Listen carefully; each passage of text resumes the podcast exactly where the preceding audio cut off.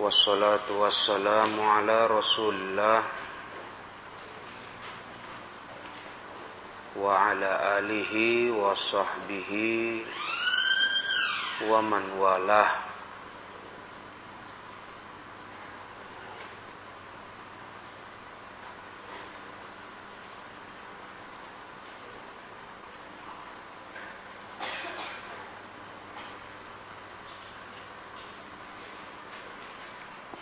Kita sampai di bab ma yaqulu lil marid.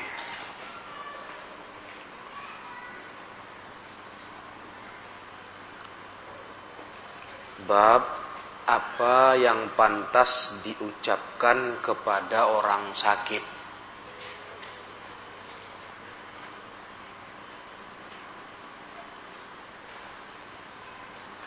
Ya. Yeah.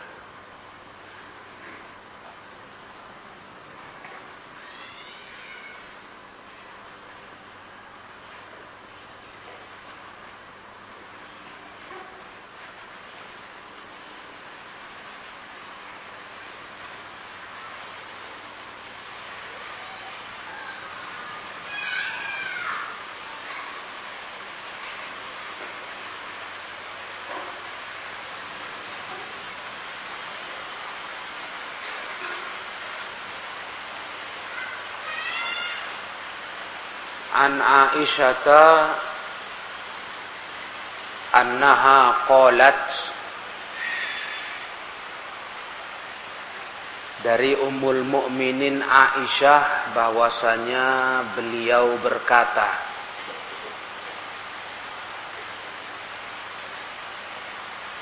Lama qadima Rasulullah sallallahu alaihi wasallam al-Madinata Wu'ika Abu Bakrin wa Bilal.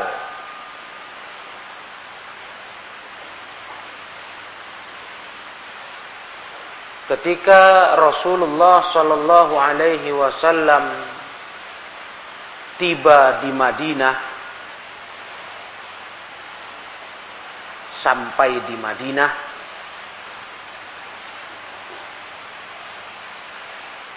Abu Bakar dan Bilal diserang demam. Wa'ika. Al-wa'ku itu artinya al-humma. Al-wa'ku sama dengan al-humma. Begitu tiba di Madinah, Abu Bakar dan Bilal demam. Qalat fadakhaltu alaihima kata Aisyah, aku masuk menemui keduanya. Ketemu dengan Abu Bakar, ayahnya, dan ketemu dengan Bilal, Kultu, aku tanya, kata Aisyah, Ya abata, duhai ayahku. Kaifa tajiduka? Bagaimana kau rasakan dirimu? Tajiduka, kau dapati dirimu. Artinya, rasa kau gimana?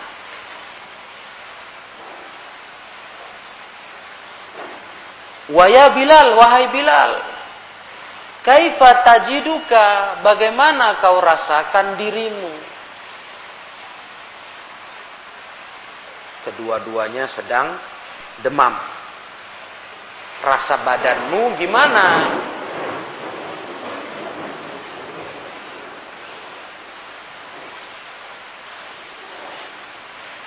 Jadi di sini Aisyah menjenguk ayahnya dan Bilal. Kalau menjenguk Abu Bakar udah tahulah kita, itu ayah kandungnya. Radhiyallahu taala anhu. Sedangkan Bilal siapanya? Bukan siapa-siapa. Bilal orang lain. Nah, di sini ada faidah bahwasanya boleh perempuan menjenguk orang sakit laki-laki. Atas amalan Aisyah Ummul Mukminin. Dengan syarat nah, ada syaratnya. Yaitu harus atasatur wal amnu minal fitnah harus menutup diri. Tasatur. Nah, dan aman dari fitnah. Fitnah apa? Fitnah lawan jenis. Jangan main-main fitnah lawan jenis ya. Sar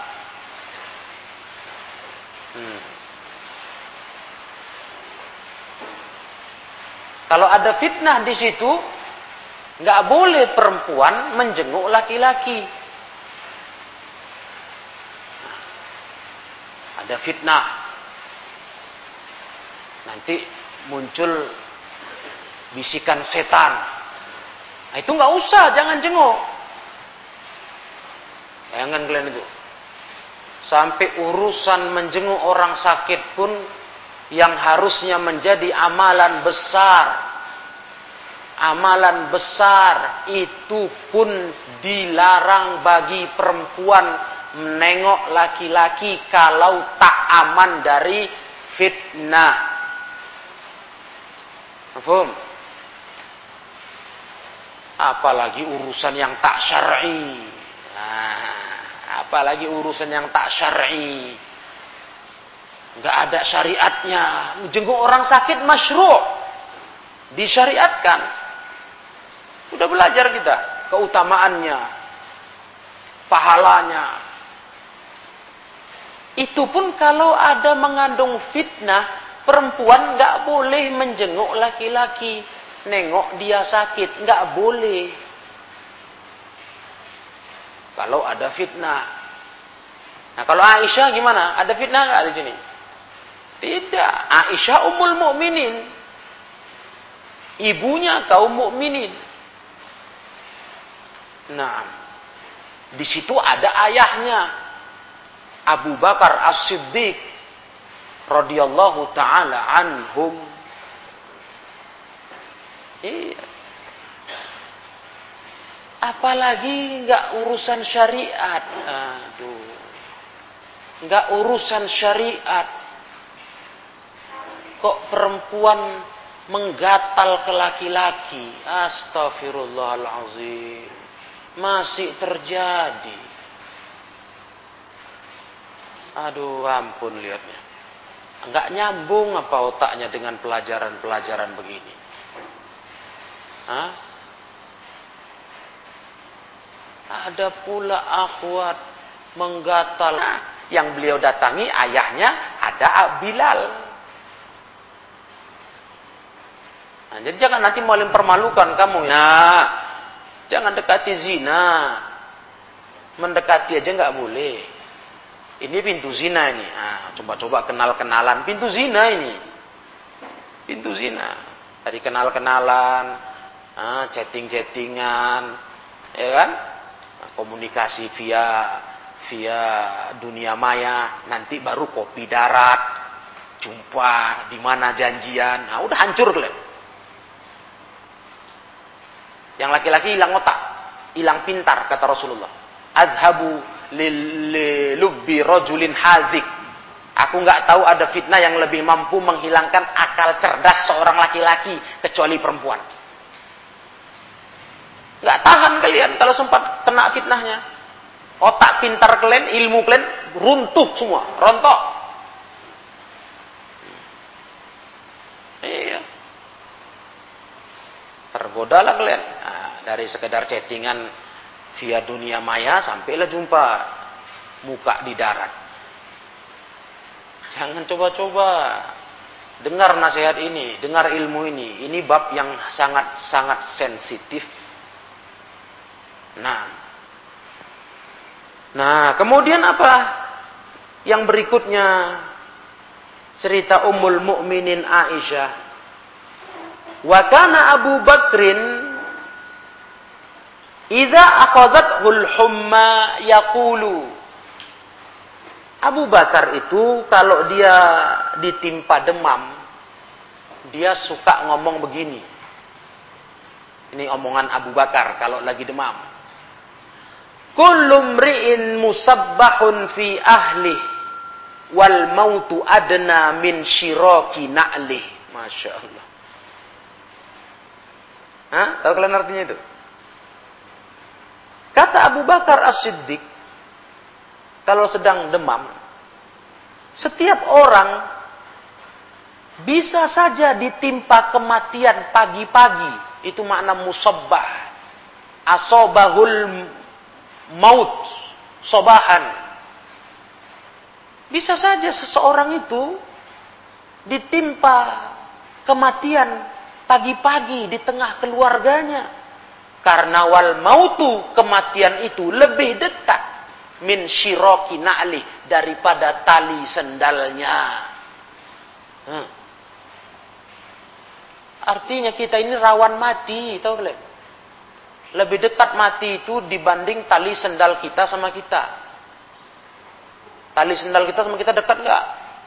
Ya nempel bun, namanya sendal, dipakai.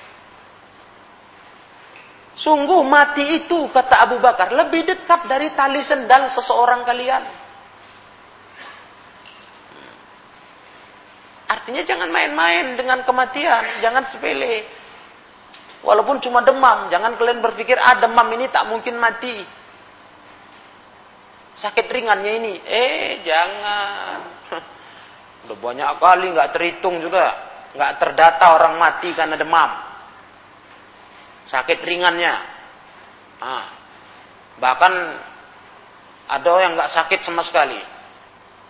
Nah, baru habis kamar mandi, masuk rumah, dah sesak nafasnya. Baru mau ditolong udah lewat. Pergi dia dia. Udah dipanggil Allah dia. Nah, itu Abu Bakar kalau udah demam itu yang diucapkannya. Tiap orang bisa saja ditimpa mati, didatangi mati pagi-pagi di tengah keluarganya. Sungguh kematian itu lebih dekat dibanding tali sendalnya. Nah, itu makanya kalau sakit tuh banyak tobat. Banyak istighfar. Karena kita nggak tahu sakit ringan pun bisa mati kita. Mana cerita, namanya udah ajal. Jangan dikira harus sakit parah, kanker stadium 4 misalnya. Barulah mungkin mati. Stadium 4 tuh udah paling tinggi. Kanker. Ah, atau sakit-sakit berat lainnya, ah, barulah mungkin mati. Kalau sakit ringan, batuk, demam nggak apa-apa. Oh jangan, jangan sepele. Tuh lihat Abu Bakar As-Siddiq radhiyallahu taala anhu, kalau demam diingatkannya dirinya dengan kalimat itu. Paham tuh? Karena kita ini sangat-sangat rawan mati. Orang hidup tuh gampang kali mati. Iyalah, kalau udah tiba ajal, mana bisa lagi ditunda? Nggak bisa ditunda. Orang segar bugar duduk dia. Dah, tertunduk mati. Sehat-sehatnya dia. Nah. Iya. Tak ada lagi sholat, sujud dia, mati. Nggak ada dia sakit apa-apa. Apalagi memang udah ada sakit. Ini keteladanan Abu Bakar As-Siddiq. Untuk banyak ingat mati. Jangan sok merasa aku masih lama mati. Jangan. Hmm, kita pasti mati dan sangat mungkin mati. Karena memang orang hidup tuh mati ujungnya. Nggak ada lain. Dah, itu ucapan Abu Bakar. Sedangkan ucapan Bilal. Nah, lihat. Kalau Bilal radhiyallahu taala anhu kalau dia sedang idza aqla anhu hmm, kalau dia sedang sakit terus diangkat sakit dari dia ya. Artinya sudah sembuh lah gitu. Yarfa'u akhiratahu. Yarfa'u akhiratahu itu asal katanya seseorang yang e, terputus kakinya itu asal kata akhirah. Putus kakinya. Terputus kakinya. Terus diangkatnya kaki yang putus itu. Ya diangkatnya yang putus itu sambil menjerit menunjukkan sangat sakitnya putus kaki itu. Hmm. Iya. Itu asal katanya. Asal kalimatnya. Akhiratahu itu seseorang yang putus kakinya kan sakit kali itu. Terpotong waktu perang misalnya. Nah itu diangkatnya sambil dengan jeritan suaranya. Yasihu menjerit dia. Nah, jadi itu bahasa ungkapan ibaratnya begitulah. Kalau Bilal radhiyallahu taala anhu, beliau berkata seperti orang angkat kaki putusnya dengan suara keras. Apa kata beliau? Ala laita syi'ri hal abitanna lailatan biwadin wa hauli idhkhirun wa jalilu Wahal aridanna yauman miyahami jinnatin wahal yabduan li syamatun wa tafilu. Itu ucapan Abu ah, Bilal radhiyallahu taala anhu. Apa artinya? Duhai kiranya aku tahu. Ala laita syi'ri kiranya aku tahu, aku sadar, ashur wa a'lam gitu. Aku sadar. Wa ya laita syi'ri. Hal abitanna lailatan. Apakah aku uh, tidur di satu malam biwadin di lembah yang di Mekah di wadi Mekah. Wadin di sini maksudnya Mekah, lembah di kota Mekah. Dan di sekelilingku wahauli izkhirun. Di sekelilingku ada izkhir, rumput izkhir. Rumput yang wangi baunya di tanah haram. Izkhir namanya. Itu rumput yang baunya wangi harum. Hmm. Ya. Banyak fungsinya kalau di Arab dulu orang Arab. Kadang ditaruh di jadi apa? E, pelapis atap. Nanti ditaruh kadang untuk nutupin dinding lobang rumput itu. Dan juga ada riwayat kalau kain kafan sahabat kurang panjang, kalau dibungkus badannya kafan nggak cukup, ikat kepala, kakinya nampak, ikat kaki nampak kepala, pendek kainnya. Ah itu ada riwayat kepalanya diikat kafan, kaki yang masih nampak itu ditutup pakai rumput izhir. Banyak fungsinya. Tapi intinya rumput ini wangi. Senanglah kita kalau duduk dekat rumput itu. Baunya harum. Begitu. Ya. Di sekitarku ada izkir, ada jalilu. Jalilu tanaman yang yang juga sejenis itu. Hmm. Ya, tanaman yang semisalnya juga dipakai untuk bahan rumah dulu. Nah, untuk melapisi rumah. Ya, kalau izkir wangi, rumput izkir.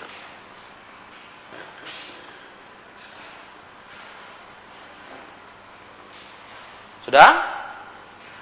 Kemudian apa kata uh, Bilal? Wahal aridan yauman miyahami jinnatin. Apakah aku pada hari ini datang kepada ke sumur Mijinnah, sumur yang ada di Mekah. Sumur yang ada dekat Mekah, tapi bukan di kota Mekahnya. Ada beberapa beberapa mil dari Mekah, beberapa kilo. Sumur Mijinnah itu terkenal. Ya. Dulu di situ ada pajak, ada pasar, suk Ya, Mijinnah itu ada pasarnya, pajaknya. Aku datang kepada sumur Mijinnah. Wahal yabduanna li syamatun wa tofilu. Dan apakah yabduanna? Nampak. Yazhar ya yabduanna itu yazhar nampak. Betul-betul nampak. Di hadapan saya ya, Syamatun wa Tofilu Gunung Syamah dan Gunung Tofil itu ungkapannya Bilal. Kalau beliau sudah sehat dari sakit kata ulama ya Maksud ucapan Bilal itu adalah beliau menyebutkan tentang kota Mekah. Kota Mekah dan sehatnya udaranya, sehatu hawaiha. Yani beliau menunjukkan kegembiraannya dengan ungkapan itu kalau lagi sehat. Syukur masih bisa menikmati kota Mekah, udaranya sehat gitu airnya manis, sedap sumur itu, enak, nah, gunung-gunungnya cantik, ya, tanaman-tanamannya bagus. Artinya beliau ungkapkan itu rasa syukurnya kepada Allah. Alangkah senangnya aku masih bisa menikmati ini semua. Ke, keistimewaan kota Mekah. Itu Bilal radhiyallahu taala anhu. Nah. Qalat Aisyah radhiyallahu taala anha berkata Aisyah, "Faji'tu Rasulullah sallallahu alaihi wasallam fa akhbartuhu." Aku pun datang ke Rasul, ku kasih tahulah. Aku dat tadi menjenguk Abu Bakar sama Bilal. Nah, terus Aisyah cerita ke Rasul tentang ucapan ini. Apa kata Rasulullah? Allahumma habib ilainal madinata kahubbina makkata au asyadda. Ya Allah, buatlah cinta kepada kami kota Madinah ini, yakni buat kami mencintai kota Madinah. Habib ilainal Madinah. Buat cinta kami untuk kota Madinah. Sebagaimana cinta kami ke kota Mekah. atau lebih cinta lagi kepada Madinah. Masya Allah. Ya dan memang di hati sahabat, apalagi yang hijrah, yang sudah hijrah, kita udah belajar waktu itu ya. Nah, ada sahabat nangis karena dia merasa maunya mati jangan di Mekah ini, aku udah hijrah. Nah, aku maunya mati di Madinah, begitu. Lebih cinta kepada Madinah. Buat kami lebih cinta lagi kepada Madinah, ya Allah melebihi cinta kami kepada Mekah. Wasahiha dan buatlah kota Madinah itu selalu sehat. Ya, selalu sehat. Wabarik lana fi sa'iha wa muddiha dan berkahi kami dalam hitungan sok dan mudnya. Maka sok dan mud yang paling berkah itu sok dan mudnya kota Madinah hitungan sa' dan mudnya kota Madinah. Ya. Mud itu cidukan tangan orang dewasa. Nah, ini satu mud. Sok itu empat kali cidukan. Empat mud, ya kan? Itu doa Rasul.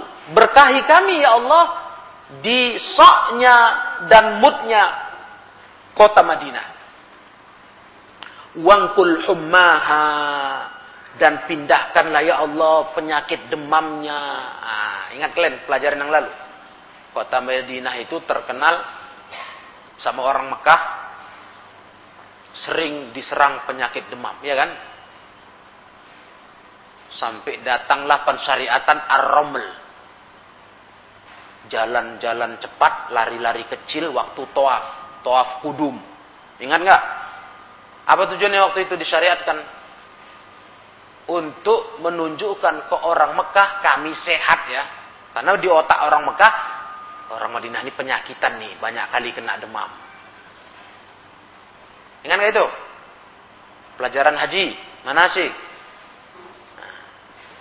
Karena di gunung yang tinggi mereka mengintip. Nengoki orang toaf, orang Madinah, sahabat Nabi toaf.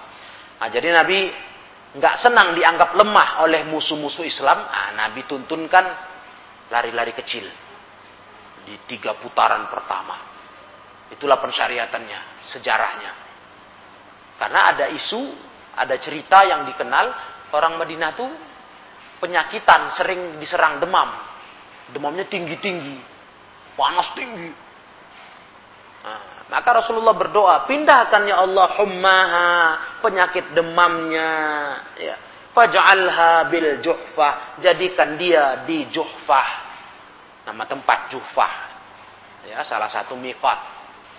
Nah, pindahkan ke juhfah sana ya Allah penyakit demamnya kota Madinah. Masya Allah. Jadi di sini ada tuntunan sesuai judul bab kita apa yang diucapkan untuk orang sakit yaitu apa?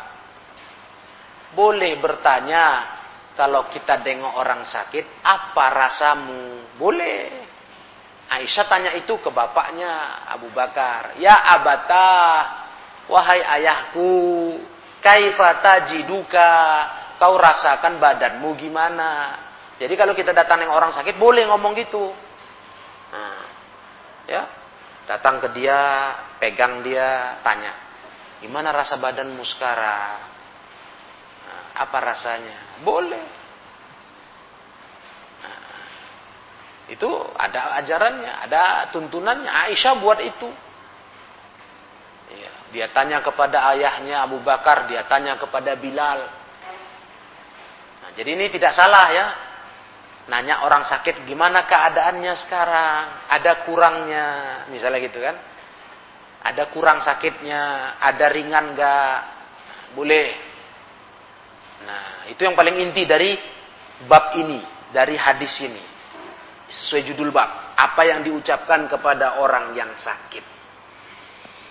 Nah, dan juga tadi tambahannya apa? Ilmu kita. Hmm? Ilmu kita yang kita dapat adalah boleh menjenguk orang sakit bagi perempuan. Dengan syarat dia menutup diri. Tasatur dan aman dari fitnah. Berarti kalau nggak aman dari fitnah boleh dia jenguk orang sakit? Nggak boleh. Jangan asal-asal berdalil pula mau jenguk orang sakit cari pahala katanya. Tapi yang dijenguk, dijenguknya orang yang bukan mahramnya dan bisa timbul fitnah nah bisa timbul macam-macam nanti Iya. Tidak boleh. Kecuali aman dari fitnah. Nah, kayak kayak Aisyah aman dari fitnah. Ada ayahnya di situ, Abu Bakar. Dan Aisyah pun statusnya ummul mukminin yang sangat dihormati oleh Bilal radhiyallahu taala anhu. Jadi fitnahnya aman. Nggak ada istilahnya perasaan lain-lain, nggak ada.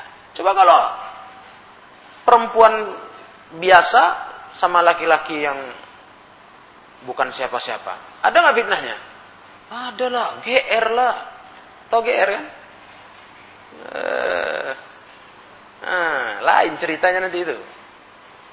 Nah, begitu dengarnya ada perempuan akhwat nengok dia sakit, wah, sebentar itu sembuh dia. Hah? turun panasnya langsung puas habis itu naik lagi saking GR-nya oh, udah fitnah nah, baru dia cari tahu siapa itu nah barulah nanti Datang pula tanya, bilang makasih lah kau dari tengok. Cak mana nomor HP-nya? Aku bilang makasih. Nah, mulailah, mulailah kau jadi budak setan. Mulailah, masuklah setan tuh. Alasannya mengucapkan terima kasih, dijenguk, dikasih makanan, dikasih buah, mengucapkan sekedar jazakillah khairan. Ah, mulailah gayung bersambut. Nah, itulah setan tuh mainnya di situ. Nah, ada sebab untuk memulai. Nggak ada sebab aja pun kalian udah terfitnah perempuan, kayak laki-laki. Nggak ada sebab. Nggak ada sebab yang mendorong untuk berkomunikasi. Kalian udah mulai komunikasi. Nah, nggak kalian ingat ilmu itu. Nggak kalian jaga ilmu itu.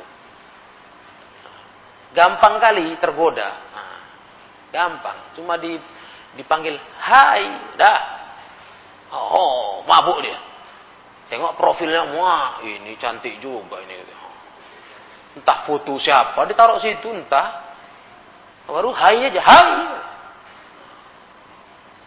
ampun kali sudahlah kalau urusan ini yang si perempuan pun begitu pula alah alah alah makanya jangan main-main masalah ini ya tahan dirimu kau berilmu Hei santri, kau berilmu. Kau bukan orang luar yang tak kenal ilmu. Didik ketika kawannya mau safar, dia mau titip budak perempuan. Aku mau safar, tolong kau jaga budakku ini. Budaknya itu hitam.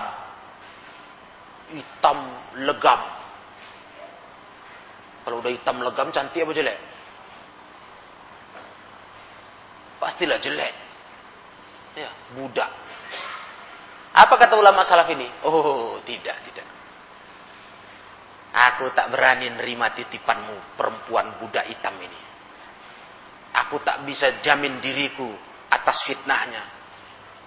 Lebih baik kau titipkan sama aku emas yang mahal-mahal tuh, ku jaga itu, aman. Tapi kau titipkan budak perempuan nih, dia nggak perlu dijaga, dia jaga sendiri diri sendiri pun pandi. Cuma fitnahnya itu aku tak jamin aku selamat. Itu budak hitam jelek. Ah, mungkin orang Indonesia nggak ada lah kayak gitu. Iya, itu biasanya orang-orang luar negeri, uh, Afrika gitu, hmm.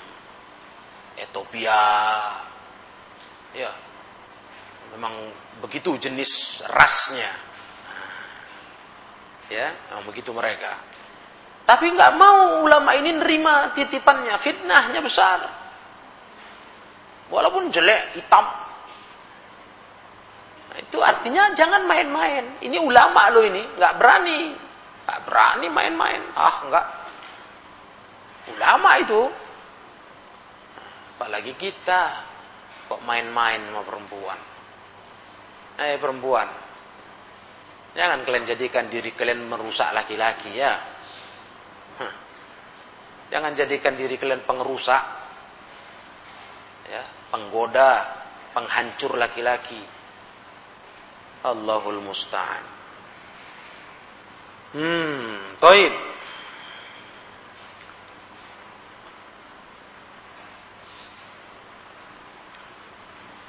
Nah berikutnya babu ma yujibul maridu.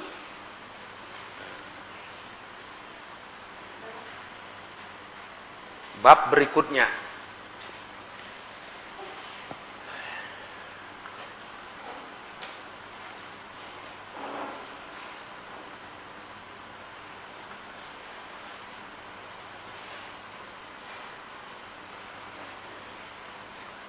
Itu bab tadi itu sebenarnya ada beberapa hadis lain, tapi hadisnya doaif.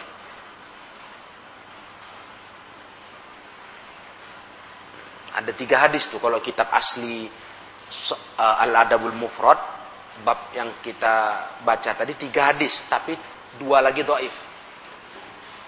Hmm. Maka tinggal satu hadis saja.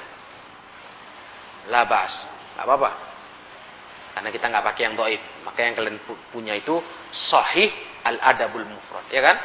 Yang sahihnya aja itu. Yang doib udah dibuang. Udah masuk dalam kumpulan doif al-adabul mufrad. Nah. Berikutnya. Bab ma yujibul maridu. Bab hal-hal yang dijawab orang sakit. Tadi kan yang ditanyakan kepadanya, ini yang dijawab.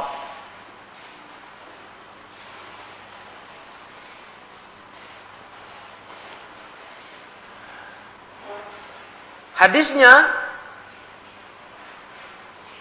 An Sa'id bin Amr ibni Sa'idin qala dari Sa'id bin Amr bin Sa'id dia berkata Dakhalal hajjaju ala bni Umar. Hajjaj menjenguk Ibnu Umar. Waktu Ibnu Umar sakit.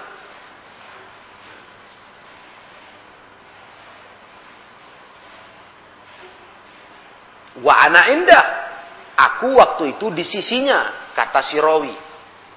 Ya, ini aku di sebelah Ibnu Umar. Dijenguk dia dan aku di sebelah Ibnu Umar. Ini yang cerita uh, Said bin Amr bin Said. Saidnya, ayahnya, kakeknya. Kan Said bin Amr bin Said. Itu sanatnya memang dari ayahnya dia cerita sebenarnya. Nah, faqala Al-Hajjat menjenguk uh, Umar ibnu Umar, lalu Hajjat berkata, bagaimana dia? Kaifa huwa? Hmm. Bagaimana dia? Artinya nanyakan keadaannya. Qala solih. Dia jawab, dia sehat. Ya sehat gitu.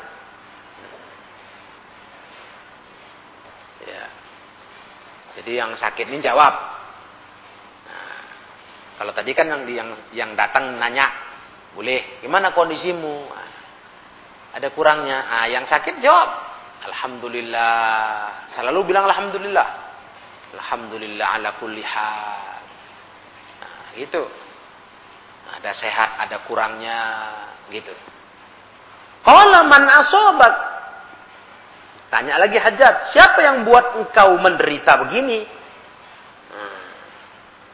Yang bikin kau sakit ini siapa? Qala, apa kata beliau? Kata Ibnu Umar.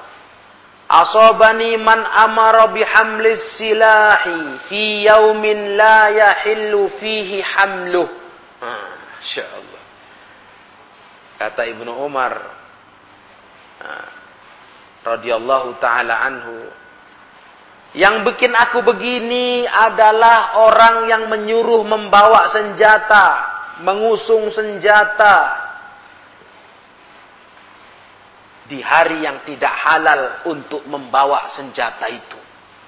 Itu bikin aku sakit kayak gini. Hah? Ada orang yang menyuruh untuk dibawa senjata, yakni pedang, silah, di hari yang nggak boleh itu dilakukan. Artinya pada masa nggak boleh kita ngangkat senjata memerangi umat Islam, tapi kok disuruh angkat senjata? Yakni al-hajjaj. Maksudnya adalah al-hajjaj. Rupanya Ibnu Umar menyinggung al-hajjaj. Jadi bahasa ringkasnya apa? Yang bikin aku sakit ini kau. Kau yang nyuruh orang angkat senjata. Sakit aku nengok ini, gitulah Ibnu Umar. Hmm, cuman nggak dibilangnya begitu, cuma dibilangnya yang bikin aku sakit kayak gini adalah orang yang menyuruh bawa senjata di hari tak boleh kita bawa senjata. Dan Al-Hajjaj dikenal seorang pemimpin yang zolim yang kerjanya membunuhi orang, orang Islam. Hajjaj itu zolim. Hajjaj bin Yusuf Masya Allah. Ya. Nah, jadi di sini orang sakit itu memang tuntunannya menjawab. Ya. Tuntunannya menjawab apa yang ditanyakan oleh orang yang menjenguk. Ya. Walaupun waktu di zaman Ibnu Umar, beliau jawabnya sambil nyindir. Gak boleh bawa senjata. Waktu itu kasusnya di haram, tanah haram. Gak boleh. Adapun kau, kau suruh orang bunuhin orang lain di tanah haram ini. Harusnya nggak boleh. Ini bukan masanya kita membunuh orang muslim, nggak boleh. Nah, ya, sisi dalilnya apa dari riwayat ini? Ya, sisi dalilnya adalah menjawab tadi, nah, menjawab pertanyaan orang yang menjenguk. Jadi kalau kita dijenguk orang, orang tanya, kita jawab. Nah, kita jawab. Kita bilang sudah ada kurangnya, alhamdulillah. Pokoknya alhamdulillah jangan lupa. Ya. Alhamdulillah, alhamdulillah. Kita segala kondisi selalu memuji Allah. Alhamdulillah. Gitu. Terus jawab. Bukan ngeluh itu. Bukan ngeluh. Kalau ditanya apa sakitmu, apa rasa kau sakitnya? Bukan ngeluh. Bilangkan ini ku sakit. Bukan ngeluh. Itu menjawab pertanyaan. Tidak apa-apa itu. Dan kita sudah lewat pula riwayatnya. Nah, mem membilangkan apa yang kita rasa sakit pun bukan keluhan. Ya kan? Nah, bukan syikayah itu. Bukan keluhan. Dan itu dibolehkan dalam Islam. Alas. Jelas ini? Sudah ngerti semua? Nah, jadi tidak salah kita menjawab pertanyaan penanya akan kondisi kesehatan kita. Dan kita boleh cerita apa yang kita rasa. Nah, itu nggak keluhan. Boleh, silahkan. Itu tidak sebuah keluhan yang dilarang agama. Nah, kalau kau rasa sudah agak enakan, ya sudah bilang, ini masya Allah ini alhamdulillah, udah agak baikan. Nah, sudah agak enakan, udah kurang banyak. Ya, itu ya. Taib. Nah, satu lagi babu man karihalil aidi ayan zura ilal fuduli minal baiti. Bab siapa yang membenci untuk orang yang menjenguk melihat kepada al-fudul minal bait. Melihat kepada sesuatu yang tak penting dia dari isi rumah orang sakit itu. Itu makna al-fudul minal bait. Yang nggak penting dia dilihat, ditengok. Ya. Tapi ditengoknya. Artinya kalau kita nengok orang sakit tuh mata dijaga, kita kan mau nengok dia sakit kan, bukan mau mengontrol isi rumahnya ya. Bukan mau tengok-tengok isi rumahnya, kan gitu. Nah, ini dia, ini ilmunya. An Abdullah bin Abil Huzail, dari Abdullah bin Abil Huzail beliau berkata, Dakhala Abdullah bin Mas'ud ala maridin ya'uduhu. Pernah Abdullah bin Mas'ud masuk kepada orang sakit mau dijenguknya. Wa ma'ahu kok wa ma'ahu kaumun bersama Ibnu Mas'ud ada rombongan kaum. Ada kaum rombongan. Wa fil baiti imra'atun. Nah, di rumah itu yang sakit itu ada perempuan. Ada perempuan. Faja'ala rajulun minal qaum yanzur ilal mar'ah. Tahu-tahu di antara rombongan itu ada yang nengokin perempuan itu. matanya jelalatan. Nah, itu, itu itu tadi fitnahnya perempuan begitu. Ya kan? Itu sudah fitnah perempuan itu begitu. Laki-laki itu itu yang paling bahaya, perempuan. Nah, tengoklah. Padahal di situ ada Ibnu Mas'ud. Tahu lah kalian Ibnu Mas'ud? Itu fakihnya sahabat. Yang paling berilmu, paling fakihnya sahabat Ibnu Mas'ud. Harusnya kan segan di situ ada ada seorang sahabat besar. Tapi nggak bisa. Ada yang yang tergoda salah satunya. Ditengokinya perempuan di rumah itu. Ketahuan Ibnu Mas'ud. Nah, nampak Ibnu Mas'ud matanya ini. Akhirnya faqala lau Abdullah kata Ibnu Mas'ud kepada dia, "Lau anfaq, lau anfaq, lau anfaq an, anfaqat ainuka." Infaqat ya. Lawin faqat ainuka. Andai kata tercongkel matamu. In qafa'a yan qafi'u. Karena ini ain muannats. In qafa'at ainuka. Kalau tercongkel matamu karena khairon laka. Itu lebih baik bagimu. Hmm. andai mata kau kecongkel terus nggak bisa nengok lagi hilang penglihatanmu. Itu lebih baik bagimu. Daripada dosa kau nengoki perempuan itu nah, ini jangan Nengok orang sakit, matanya lasak. Ya, ini adab ini, adab orang menjenguk aid, orang menjenguk. Ya kita fokus saja orang sakit itu. Menjaga adab-adabnya, menjaga syariatnya, doakan dia yang udah kita belajar, tanya kondisinya, gimana rasanya Pak, Gimana rasanya? Perkembangannya apa? Mata jangan tengok sana tengok sini. Itu. Ya memang begitulah fitnah perempuan. Yang dulu zaman Rasul juga pernah waktu Rasulullah ada perempuan datang nanya, sahabat ini melototi perempuan itu. Diginikan Rasul mukanya, "Eh, tengok sana kau." Itulah fitnah perempuan. Ya. Laki-laki itu paling bahaya kena fitnah perempuan. Makanya perempuannya jangan jadi juru fitnah. Laki-laki yang paling bisa merusaknya adalah perempuan. Perempuan jangan jadi perusak laki-laki. Nah gitu dia. Tentu. Laki-laki yang bisa merusaknya paling kuat perempuan. Paling kuat merusak laki-laki itu perempuan. Perempuan tuh jangan jadi perusak laki-laki. Nah, pahami ini ilmunya. Jangan jadi perusak laki-laki kau, perempuan. Dan kau laki-laki jangan jangan mau rusak karena perempuan. Nah, jangan. Loh, jadi gimana? Kita kan fitrah kita memang suka lawan jenis fitrah. Ya ada masanya. Udah siap kok? Udah siap kalian? Nikahlah kata Nabi.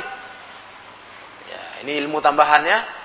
Ya ma'syaras syabab man istata'a minkumul ba'ata fal yatazawwaj. Hei pemuda yang sanggup nikah, nikahlah. Ada masanya. Ha -ha. Kalau belum masanya jangan coba-coba main-main. Nanti kalian rusak. Laki-laki rusak dibuat perempuan, perempuan perusak laki-laki. Ismau, dengar kalian baik-baik ini. Bukan tidak boleh kalian menyukai lawan jenis. Ada masanya. Saat sudah mampu, mampu berumah tangga, udah mampu menikah. Iya, bisa menafkahi istri, anak-anak. Dah, Nabi perintah, fal yatazawwaj, nikahlah kata Nabi. Disuruh Nabi kalau sudah punya ba'ah kemampuan. Ada masanya. Dengar ini akhwat. Yang nggak bisa mengendalikan sifat getek gatalnya itu. Hah? Sadar kau, ada masanya. Kalau betul udah tiba masa kau, ah, tunggulah dilamar laki-laki. Ya. Jangan menggatal juga kau. Semua laki-laki ditegur. Hai, hai, hai. Murahan kali. Hah? Ada masanya. Dan yakin wanita baik untuk laki-laki baik. Laki-laki baik untuk perempuan baik. Atau ibinalit toyibat. Udah ilmunya udah belajar kita itu. Perempuan laki-laki baik, jodohnya perempuan baik. Perempuan baik, jodohnya laki-laki baik. Sudah. Kalau cerita mau sampai kepada jodoh-jodohan, begitu dia. Pokoknya yang baik dapat yang baik. Nah, kalau nggak baik, terpisah nanti itu. Hmm, terpisah. Kalau nggak baik. Nah, berarti nggak jodoh nanti. Akhirnya pisah. Udah jelas semua? Ya, ini adab ini. Nah, jangan bikin malu. Lihat orang sakit, mata melasak ke sana kemari, pas pula ada perempuan anaknya Aduh, tengok-tengok matanya. Teman orang sakitnya di sini, matanya ke sana. Aduh, jelek kali. Nah, nggak pakai ilmu sudah. Bagus tercongkel matamu itu kata Ibnu Mas'ud. Tercongkel matamu itu hilang penglihatannya, cahaya untuk nengoknya lebih baik bagimu. Begitulah marahnya Ibnu Mas'ud atas orang ini. Wallahu alam. Jadi itu pelajaran kita ada berarti hamdika asyhadu an la ilaha illa anta astaghfiruka wa atubu ilaik walhamdulillahi rabbil alamin.